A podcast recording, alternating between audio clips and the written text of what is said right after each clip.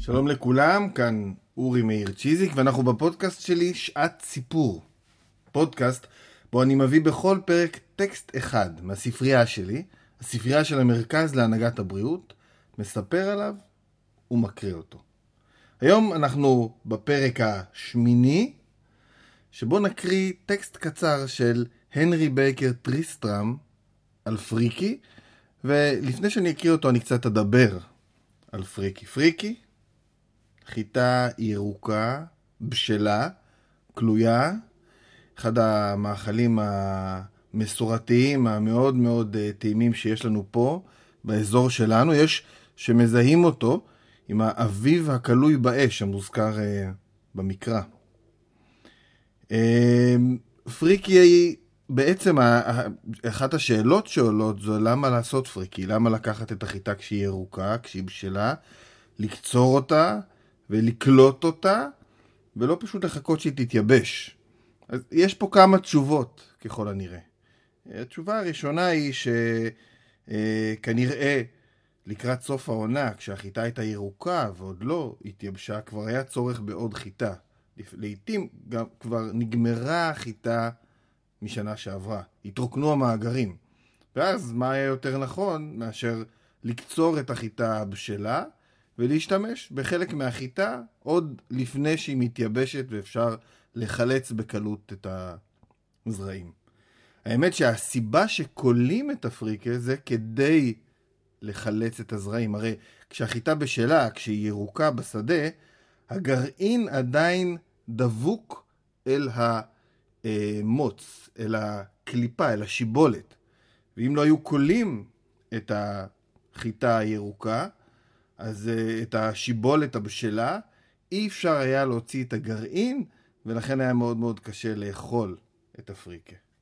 כן, אז מה שעושים בעצם זה לוקחים את השיבולים הירוקות, קוצרים אותן וכולים אותן על מדורות בשדה. כליאה קלה.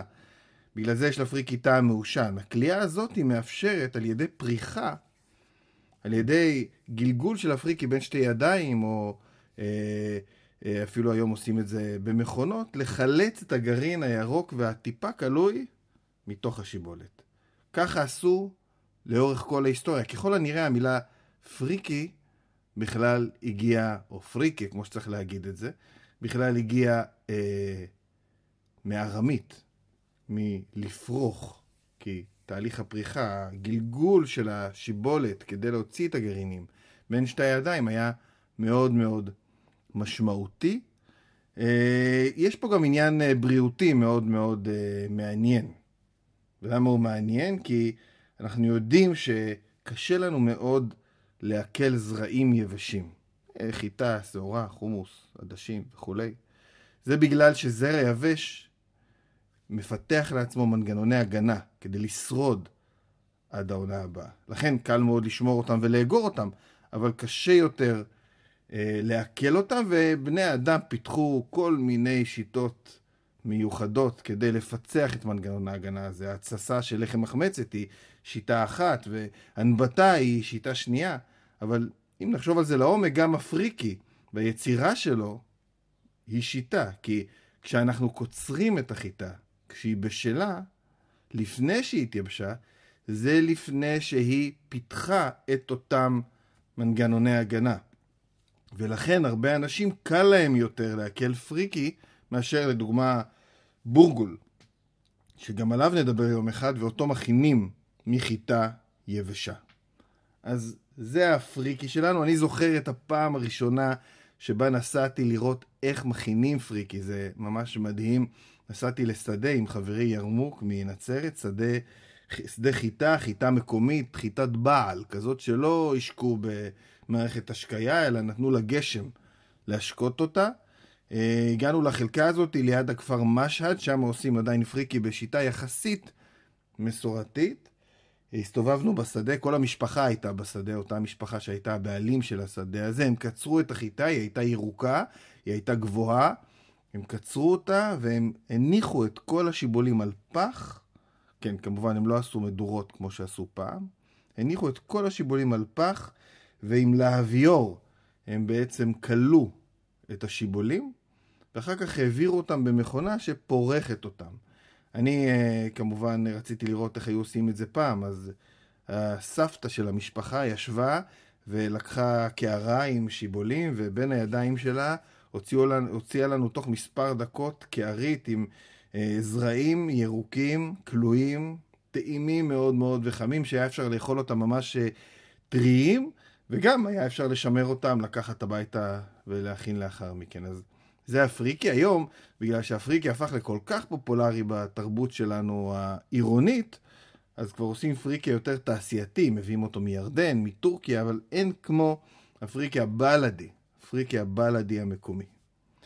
אני רוצה להקריא לכם קטע קצר על פריקה, אה, מתוך אה, ספר שבטח נקרא בו עוד בעתיד רבות, אה, הספר מסע בארץ ישראל, שכתב הנרי בייקר טריסטרם, טריסטרם היה כומר וטייל, חוקר ידוע, בריטי, ובשנת, בין שנת 1863 ל-1864 הוא יצא למסע ארוך של עשרה חודשים בארץ ישראל.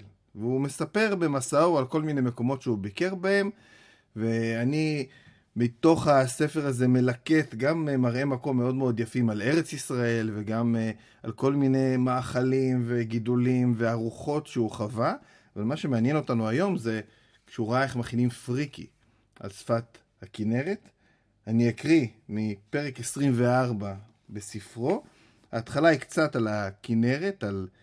אה, על אה, אני לא זוכר אם זה על צפון או דרום הכנרת, עוד מעט אנחנו נגלה, ואז איך מכינים שם את הפריקה.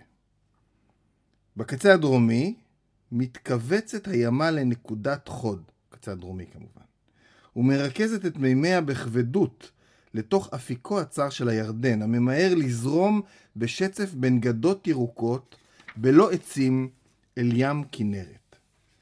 ברם, עמק זה, ברום עמק זה, שרוחב חלקו המערבי מגיע, מגיע כאן לארבע מילין, כולו מעובד, ואנו הגענו אליו בעיצומה של עונת הקציר.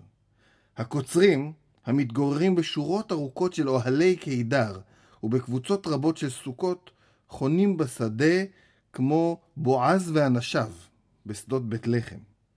כולנו, כולם ביקשו בקול רם, אך ברוח טובה בקשיש, לשם השראת ברכה על היבול, כמנהג המקובל בימי קציר אצלנו, באנגליה. על חוף הימה הובערו מדורות רבות שהוזנו בציבורים של שורשי פפירוס, אשר נקרעו ונשטפו אל החוף.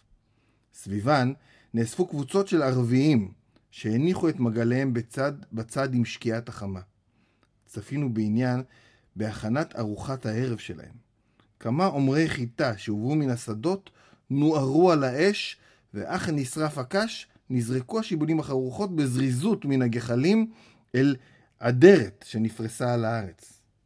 אז חבטו אנשים שבחבורה את השיבולים והקפיצון עד כי נידושו כליל והגרגרים נאכלו בלי כל הכנה נוספת. הזמינו אותנו להשתתף בסעודה ומצאנו שהכיבוד לא היה בשום פנים בלתי ראוי למאכל. השיבולים הירוקות נחרחו באש, ובפינו נוצרה תערובת נעימה של חיטה חלבית וניחוח של קרום לחם טרי. נעם לנו לראות את ההכנה ולטעום מן הכרמל הנזכר במקרא. זהו, זה מה שכתב הנרי בייקר טריסטרם על פריקי בשנת 1863. זהו, סיימנו. אני מזמין אתכם לעקוב אחרי הפודקאסט וגם לעקוב אחריי ואחרי הפעילות של המרכז להנהגת הבריאות, גם ברשתות החברתיות וגם באתרים שלנו. אני אורי מאיר צ'יזיק ואנחנו ניפגש בפרק הבא של שעת סיפור.